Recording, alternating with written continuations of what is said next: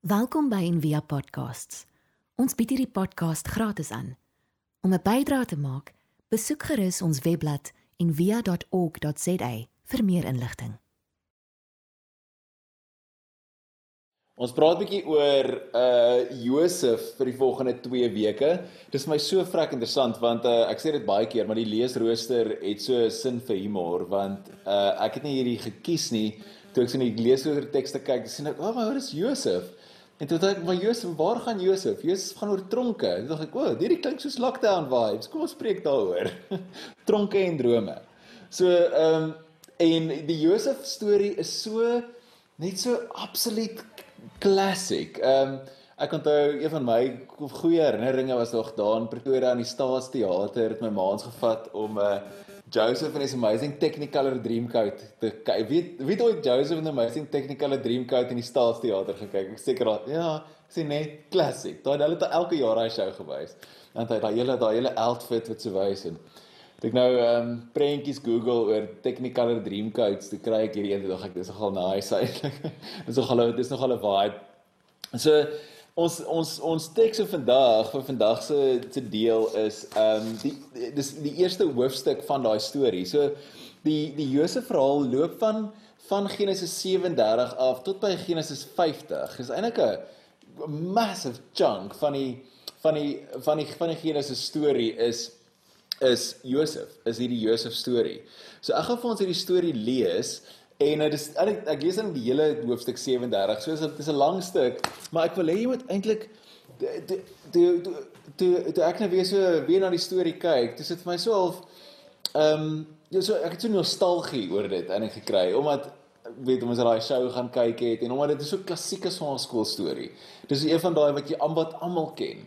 So terwyl ek dit lees, Ehm um, ek sal so 'n bietjie kommentaar lewer hier en daar maar uh, leef jouself net so 'n bietjie weer in in hierdie storie in. Het jy onthou onthou dat hierdie storie net so 'n bietjie opnuut ontnuut ont, opnuut onthou, 'n bietjie vars word in jou geheue. So Genesis 37 en ek ek hou so van die die die die opskrif van die hoofstuk in die 83 vertaling is Josef en sy drome. Ehm um, so dit gaan so. Jakob het in Kanaan gebly die land waar sy voorvaders ook as vreemdelinge gebly het. En hier volg die familiegeskiedenis van Jakob. Josef was nog jonk, 17. En toe hy kleinvee oppas, opgepas het saam met sy broers, die seuns van Bilha en Silpa, sy pa se vrouens. Josef het slegte stories oor sy broers by hulle pa aangedra. En kyk, daai is my so so so klassiek. Dis hoe hierdie storie begin. Dit klink so sepie. Dis as jy die pa en dan het jy hierdie een seentjie en hy's jonk. Die teks sê hom hy's lekker jonk 17 en hy het geskinder. Hy het slegte stories oor sy broers vir sy pa aangedra. Ehm um, en dan sê hy van al die seuns was Israel die liefste vir Josef, nee, en dan het nog moeilikheid. So nou het jy soos hierdie kies kinderbek en dan hy's nog die favorite ook. En dan sê hy die seun wat wat in sy ouderdom gebore is en daarom het hy nie vir het hy vir Josef lang klere met moue gemaak. Toe sien die broers toe sy broers sien dat hulle pa vir Josef liewer het as vir enige van hulle, het hulle afkeer van Josef gekry en hulle het niks goed oor hom gesê nie. Op 'n keer het Josef gedroom en het sy broers vertel. Daarna was hulle afkeer van hom nog groter. Hy het hulle gesê: "Luister na die droom wat ek gehad het. Ons is op die land besig om gerwe te bind en skielik gaan staan my gerf regop en hele gerwe gaan staan daar rondom en hulle buig voor myne." Toe sê sy broers vir hom: Jy verbeel jou jy sal oor ons koning word. Dink jy dalk jy sal oor ons regeer? En sy oor sy drome en sy praatjies het hulle nog 'n groter afkeer van hom gekry. So die teks het eintlik so drie dubbele dinge, soos afkeer, meer afkeerder en dan afkeerste. En dit gaan nog net so erger en erger. Hy sê ehm um, hy het nou ook nog 'n ander droom gehad en hy het vir sy broers vertel. Hy het gesê ek het weer gedroom, die son en die maan en 11 sterre het voor my kom buig. Toe het, toe hy dit vir sy pa en sy broers vertel, het sy pa hom berisp en vir hom gesê, "Dan vat jy pa hom so klein bietjie vas." Hy sê, "Ek het weer gedroom." O, hy sê, "Vir wat vir 'n soort droom is dit wat jy gehad het? Verbeel jy jou ek en jou ma en jou broers van voor jou kom buig?" En sy broers was afgunstig op hom en sy pa het aan die droom bly dink. Josef se broers het hulle pa se kleinvee gaan oppas in Sechem. Toe sê Israel vir Josef: "Kyk, Jou broers pas die kleinvee op en sê hom ek wil jou na hulle toe stuur. Josef het geantwoord: "Goed pa." Toe sê Israel vir hom: "Gaan kyk of alles nog reg is by jou broers en met die kleinvee en kom vertel my alles." So die pa help ook nie eintlik hierdie geskinnery aan nie. Of hy help dit nie, hy hy, hy keer dit nie regtig nie. So Israel het vir hom van die laagte af by Hebron afgestuur aan Sichem toe. Hy het daar in die veld rondgesoek en toe kom hy by 'n man by hom en hy vra vir hom: "Wat soek jy?" Josef antwoord hom: "Ek soek my broers. Kan jy dalk vir my sê waar hulle die kleinvee oppas?" Toe sê die man: "Hulle het van hier af eh, versit. Ek het gehoor hulle sê hulle wil na Dothan toe gaan." Josef is toe agter sy broers aan en hy het hulle by Dothan gekry. Hulle het hom van ver af gesien en voor hulle voor hy by hulle gekom het, het hulle ooreengekom om hom dood te maak. So onthou hierdie teks, ek gaan nou weer daarna te verwys. Dit gaan actually iets baie interessant aan. Hulle het ooreengekom om hom dood te maak. Hulle het naamlik vir mekaar gesê: "Kyk, daar kom die ou dromer aan. Kom ons maak hom dood en gooi hom in 'n put.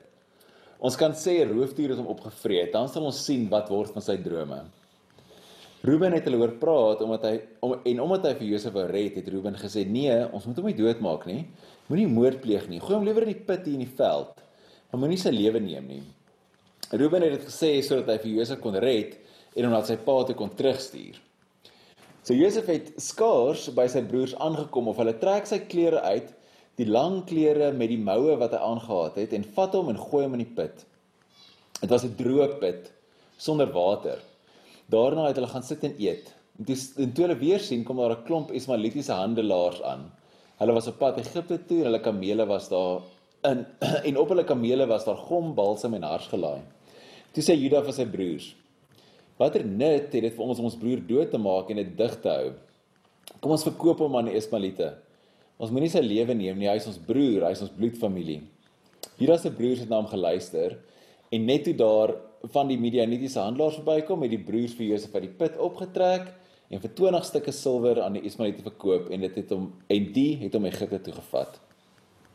So ehm uh, verder word die verder lees ek dit sê toe Ruben terugkom uit die put, was Josef nie daar nie. Ruben het sy klere geskeur en teruggegaan na sy broers en vir hulle gesê: "Die kind is weg. Wat moet ek nou doen?" Maar sy broers het 'n boklam geslag en die klere van Josef gevat en in die bloed gedoop. Toe stuur hulle Josef se klere met 'n boodskap vir hulle pa: "Ons het dit opgetel. Kyk of dit dalk die seun se klere is." Israel het erken en gesê: "Dit is my seun se klere. 'n Roofdier het hom opgevreet. Josef is opgevreet." Jakob het sy klere geskeur en rouklere aangetrek. Hy het lank oor sy seun getreur.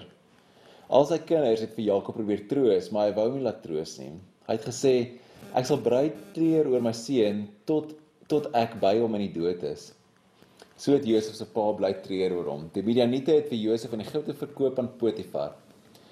Hy was aan die farao se paleis verbonde as hoof van die leiwag. So dis dis hoe die storie begin.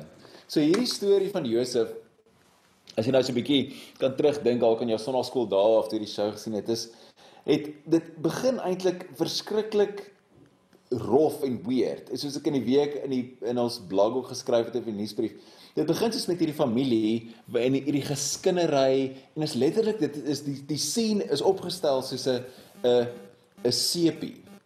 Maar dit is in hierdie hierdie hierdie hierdie is soos geskinnery en die pa trek die een voor en die broers is kwaad vir hierdie een en verkoop hom as 'n as 'n slaaf vir al die goeders is binne in hierdie waar God besig is om hierdie storie eintlik te vorm en iets te doen met nie net Josef se lewe nie, maar eintlik met hierdie hele met hierdie hele familie. En dis hoekom hierdie storie so belangrik is. Nou hierdie hierdie hierdie ehm um, dis maklik om as mens as mens die Josef verhaal vat, dis baie maklik om sulke sulke geestelike principles en mooi morele lessies en goeders uit dit te gryp en eintlik en eintlik heeltemal vir die eintlik heeltemal vir God te mis in die storie. Om te sê, jy weet, maklik hier's vier tips so wanneer jy in die tronk is, dis hoe jy moet leef, dis wat jy moet doen. En ehm um, dis baie maklik om die Josef storie te vat en en vir vir almal te sê, hoorie maar maar jy, jy's Josef. Weet jy, die Here het 'n amazing plan met jou lewe. Dit gaan dit gaan nog groot goeders gaan met jou gebeur. Jy gaan nog 'n CEO word, jy gaan nog 'n groot besigheid hê, jy gaan nog gaan Dis maklik om daai kant toe te gaan.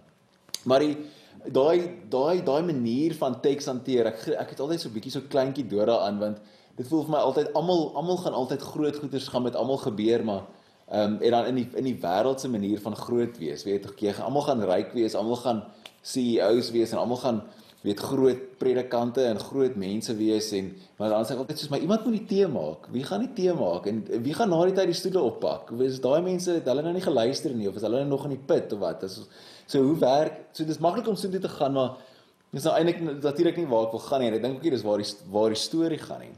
So hierdie hierdie verhaal daar's so twee dinge. Daar's eintlik twee goed aan die gang in hierdie hele in hierdie hele verhaal. Wat interessant is is En hoekom dit so maklik is om vir God te mis in hierdie storie, is want God maak homself nie bekend in hierdie storie nie. Dis eintlik die Josef verhaal is eintlik 'n baie baie amper sekulêre verhaal. Al wat ons het is hierdie hierdie kritiese drome wat Josef het, wat nie regtig so letterlik is nie. Dis nie soos Jakob en die engel en dis ook nou nie die engel wat verskyn en met hom praat of iets is dit nie. Dis dis soos al vir die kritiese simboliese drome En jy sien nie regtig vir God nie. Daar word geen altaars gebou nie. Daar's geen Michael wat opdaag nie. Josef, eh, God daag nooit op in Josef se lewe direk nie. En ek toe ek dit lees of net besef in die week, dis ek soos, jy's like, "Hy voel baie soos my lewe." Dit God is altyd so half op die agtergrond. Dit voel so half dis so kripties. Jy moet dit jy moet dit half ontsyfer baie keer. Dit voel asof jy wil hê God moet dalk weet bietjie meer direk wees, net bietjie meer obvious wees vir 'n verandering. Maar God is besig in hierdie verhaal en dis wat so mooi is. So daai is die dis al vir dis die onderste stroom wat besig is om aan te gaan. En in hierdie hele Genesis verhaal, as jy die hele verhaal onthou, die hele boek, is God is besig met iets. Dit is die laaste paar weke vir mekaar gesê het is, is God soos hy bou 'n volk vir homself. En dis sy plan deur die hele skrif. Hy wil saam met mense wees en deur hulle werk. Ons is die beelddraers. Daai is die begin van Genesis. En soos die sleutelteks vir Genesis kry ons eintlik in hierdie in hierdie Josef verhaal. Die sleutelteks is aan die einde. Dit sê hier daar in vers 50, gaan sê Josef vir sy broers, hy sê julle wou my kwaad aan doen, maar God wou daarmee goed doen. Hy het gesorg dat 'n groot volk nou in die lewe gebly het. So daai dis die dis die storie van die hele Genesis verhaal. Die storie van die tuin, die storie van Kain en Abel, die storie van die toring van Babel, die storie van die ark. Ek meen daai daai hele storie gaan ook oor God wat wat iets moois wil doen uit gebroke mense uit. En ek dink baie keer net so op die kantlyn, die, die storie van Noag en die ark, weet ons ons gebruik ook baie keer daai storie as 'n manier om te sê, weet jy moet luister, jy moet luister en dan gaan jy nie verdrink nie. Nee, maar daai storie gaan eintlik oor heeltemal iets anders. Dit gaan oor Noag was hierdie perfekte mens. Hy was soos hierdie eerbare mens. En toe het God hom gebruik om hierdie om die aarde half oor te maak, maar op die einde van daai storie op die einde van daai storie dan val alles klein bietjie weer uitmekaar uit, nê? Nee? Ek dink myself net mooi verduidelik. Ek dink ek praat net die mekaar. So die ons almal het dus hierdie wens wat jy wil sê, weet jy wat kan kan God nie maar net oorbegin nie. Kan hy net maar alles wipe, nê? Nee? En of net 'n paar weerligstrale stuur of 'n groot vloed of iets en wipe alles en en gryp net in en maak alles nuut. Doen net dit. Nê? Nee? Is almal met my? Kan ek so knik of iets kry soos ja, okay, ek verstaan wat jy sê. Daai wens wat jy het van ek wil net hê God moet net hy moet net scratch net als begin oor. Dis die Noag in die ark storie. En die Noag en die ark storie, hoe dit eindig, is Noag eindig kaal en dronk en sy kinders lag vir hom. Dis hoe daai storie eindig. En ons vergeet ons vertel nooit daai deel nie. Daai deel is nooit in die sonnaarskool nie. Die sonnaarskool eindig met die reënboog. Maar net na die reënboog gaan plant Noag 'n wingerd en dan raak hy dronk en dan kry sy kinders hom kaal. So dan dan die hele ding neek weer uitmekaar uit. Dis eintlik wat daai storie beteken. Dis soos God kan nie net alles afwipe en dan weer oor begin nie, want dieselfde ding gebeur weer. So dalk die gemors gebeur weer. So die enigste manier hoe God werk en hoe hy besluit om aan te werk, is God maak mooi uit die gemors. Soos Dion nou vir ons so mooi gesing het en vertel het, dis daai God maak mooi uit die gemors uit. Hy wipe nie die gemors van die tafel af en begin oor nie. En dis die storie van Genesis. En dis wat God dan doen en wat die, die storie wat so mooi is van Abraham, Isak en Jakob, dis dis hierdie dis hierdie holy dysfunctional familie. Hulle is van die begin af regtig regtig screwed up. Abraham lag, hy glo nie vir God nie. Dis dis weet Sara lag, niemand glo vir hom nie. Isak lieg, hierdie een bedrieg, daai een, dis chaos die hele tyd. Maar God gebruik en hy gebruik daai familie en sê dis hoe ek gaan werk. Dis wat ek gaan doen. Ek gaan nie die Noag storie doen nie. Want dit werk nie. Wat ek moet doen is om hierdie gemors te vat en iets mooi uit dit uit te maak, hè? En so God werk anders.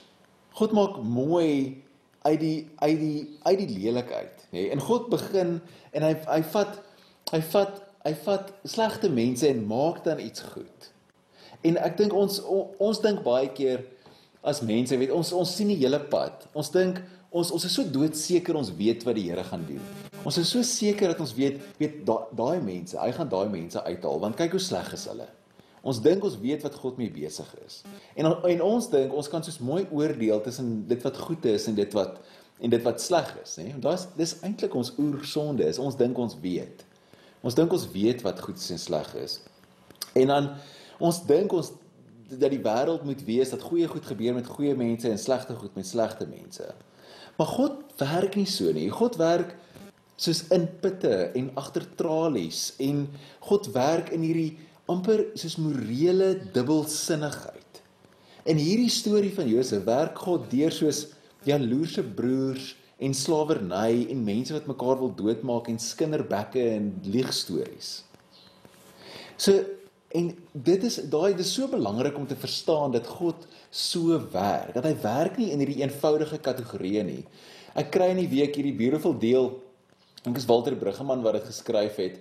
Want hy sê Walter Bruggeman sê ook dat soos Jesus se se se lering, wees wees lief vir jou vyande. Dit maak zero sin wipe jou vyande uit, dit maak meer sin. Ons kan met dit werk.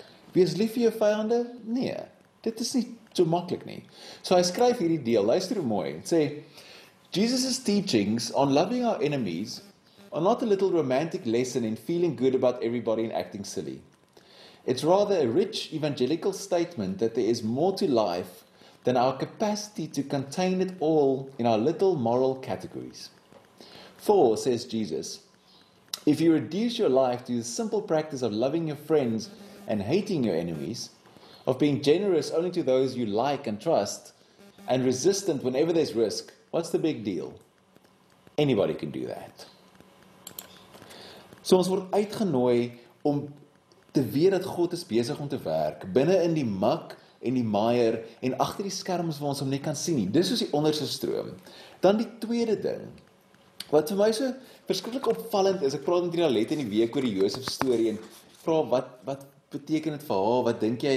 Wat hoe voel jy daaroor? En so en sy sê ook vir haar ook wat so opvallend is is hoe Josef reageer in die verhaal. Hy doen heeltyd af die regte ding. Hy hy veg nie terug teen sy broers nie. Hy skel hulle nie. Aan die begin maak hy 'n bietjie droog en hy vertel kinderstories aan en hy's bietjie van 'n brat en dan verander hy daarvan die put af. En hy hy veg nie terug nie. Hy sê hulle nie sleg nie. Hy sit nie in sak en as in die tronk en kry homself jammer en sê ja, maar ek het altyd mooi klere gehad en nou is ek hier nie. Hy hy hy hy blameer nie Potifar se vrou nie later in die storie. Onthou daai Potifar vrou sien as sy met hom wil slaap en sy sê die, die Afrikaanse vertaling sê Josef was fris en mooi gebou en sy wil by hom slaap, nê? Nee? Dis van ek so ek glo hoe dit vertel. Hy was fris en mooi gebou. En hy maar hy hy hy hy blameer hom nie dat hy sy werk verloor of niks is dit nie. Hy doen heeltyd saal vir die regte ding. En toe ek nou 'n bietjie daar in dit ingrawe, toe sa kom ek in soeke Joodse kommentaar af wat sê dat Josef, die boek Josef of die verhaal Josef was amper ingesluit of baie mense sê dit moet ingesluit word by soos Spreuke en by Salomo se skrywe, by die wysheidsliteratuur. Want dit gaan oor hoe om te leef en veral oor hoe hoe om te leef in in swaar kry. En wat so mooi is van hierdie dinge, dis wat ons tema is vanaand, dis daai Josef vervul die taak wat die lewe nou voor hom sit. En hy vra nie hoekom nie. Hy vra die hele tyd wat nou. So hy het hierdie hy het hierdie vaal idee in sy agterkop van hierdie kriptiese drome van 'n roeping, iets van 'n God iewers wat dalk vir hom iets het voor voor in die pad. En hy lewe nou in hierdie oomblik met daai in die agtergrond. En hy hy hy die taak wat die lewe voor hom sit om in die tronk te wees of om nou aan die einde van die storie waar hy die by die graan moet insamel. Hy hy, hy vat heeltyd die taak wat die lewe voor hom sit en hy doen dit so goed as wat hy kan. Daar's hierdie quote wat my net ek, ek kan nie my kop altyd daar rondom kry nie. Dis uh, Dostoevsky wat geskryf het. Hy sê hy sê um there's only one thing that I dread, not to be worthy of my sufferings. Om dat dit wat voor jou gesit word om dit om dit goed te kan doen selfs al is dit swaar kry en dis wat Josef so goed doen is hy onthou sy roeping op 'n manier en hy hy kry goed swaar. Hy doen wat hy kan binne in daai oomblik. En ek dink ek dink op 'n manier vra die regte vrae van die situasie. Reg so hierdie ou Leo uh, Babouta het gesê at the end of the day The questions we ask ourselves determine the type of people we will become. En in hierdie hele verhaal, hierdie Josef verhaal, kan ek net dink hoe die vrae wat jy jouself kan vra, wat hy homself kon afgevra het. En dit relate vir my met met die vrae wat ons onsself nou afvra en baie keer weet in hierdie lockdown tyd, in hierdie moeilike tyd en al hierdie craziness nog steeds, is is en as ek kyk op Facebook hoe mense dit baie publiek ook daai vrae vra, en elke keer as ek dit sien, dan dink ek, "Jesus, dis net dit is daai vraag help jou nie. Dit vat jou nie vorentoe nie. Dis eintlik 'n 'n ehm om Engelse gebruik so 'n disempowering vraag. Om te vra soos hoekom gebeur hierdie slegte goed altyd met my? Dis Josef vra nie dit nie. Moet om, om te vra soos maar maar maar maar hoekom kan ek nie werk kry nie? Hoekom hoekom kry ek nie meer geld nie? Hoekom kry ek so swaar? Hoekom gebeur al hierdie goed met my? Al daai hoekom vra. En die ding met ons breine, ons breine het hierdie weird manier. Vir jou se werk het werk met my so. Die oomblik as ek 'n vraag vra van hoekom gaan dit so sleg met my? Dan sal my brein is baie vinnig om te antwoord vir my te sê hoekom dit so sleg gaan met my. Né? Nee? Ja, dit gaan so sleg want jy werk nie hard genoeg nie. Dit gaan so sleg want jy is nie goed genoeg nie. Dit gaan so sleg want jy is nie talentvol genoeg nie. Dit gaan so sleg want jy is lui. Dit gaan so jou brein is baie vinnig om vir jou te antwoord. So ek dink as 'n manier om om goeie vrae te vra. Iets is om te vra soos wat is die beste ding om nou te doen? Want jou brein staan op aandag. Ek dink hy sal daai antwoord ook vir jou gee. Wat is die beste ding om nou hier te doen? Weet, waar moet ek ingaan om te gaan help my rietdak huis te blus? Dis 'n beter vraag as ag hoekom brand alles nou weer af? So waarvoor is ek dankbaar? Dis 'n goeie vraag. Hoe kan ek hierdie probleem nou oplos? Of die vraag wat Josef dalk sou kon gevra het is hoe speel my roeping, my ontwerp, die manier hoe ek aan mekaar gesit is? Hoe speel dit nou hier uit? Hoe kan ek dit nou gebruik? Waar Josef later in die verhaal as hier onthou die drome uitlê van die bakker en die skinker. En daai daai manier van leef fascineer my. Daai manier van om nie die hele pad te sien nie. Want Josef het nie die einde van die storie geweet nie. Hy het hierdie kritiese leidraad gehad. Maar ek dink ek dink jy kan Jy kan steeds by jou bestemming uitkom. Ek het hierdie week so 'n stukkie daar geskryf. Ek het iewers eendag lank terug saamhoor gelees. Van jou het gesê dat solank jy weet wat die bestemming is en jy kan jou dan as jy as as jy in die aand ry, wie sê my storie, dit kan maar kop mekaar kry. So as jy in die nag ry en jy wil na 'n bestemming toe gaan. Solank jy weet waarheen jy gaan en jou kar se ligte is aan, kan jy al die pad kan jy al die pad kan jy kan jy daar uitkom. Selfs al kan jy net die 10 meter voor jou in die pad sien. Selfs al kan jy net so ver sien as wat jou hoofligte gaan, kan jy al die pad ry tot in Mosselbaai in die nag. En daai is my die sleutel. Want hy sê dat met met met hierdie twee punte dat dat God besig is, dat hy besig is in die agtergrond selfs al sien ons hom nie. Dat dat daai besig is om te gebeur, dat hy besig is om 'n volk te maak, dat hy besig is om in die gemors te werk en dit wat hy binne in my gesit het, my manier om drome uit te lê. Tussen daai twee goed kan ek eintlik uitkom waar ek moet wees. En ek dink dis wat aangaan in hierdie storie. Ek dink dis wat hierdie storie so mooi maak. Dat Josef gebruik dit wat hy het met die wete dat daar iets in die agtergrond is. Daai twee goeders is wat ek ek vir jou wil los vanaand. Was ook soos 'n waarskuwing in hierdie storie. Want in die in die in die heel begin, ek het nou net gesê om te onthou vers 18, dan sê dit hulle hulle het ooreengekom om hom dood te maak. Nou wat interessant is, die een Ou Testament teoloog, sy skryf, sy sê dat die die Hebreëus daar gebruik 'n baie snaakse tipe werkwoord. Hulle noem dit soos 'n 'n refleksiewe werkwoord. Dit is soos 'n terugkerende werkwoord.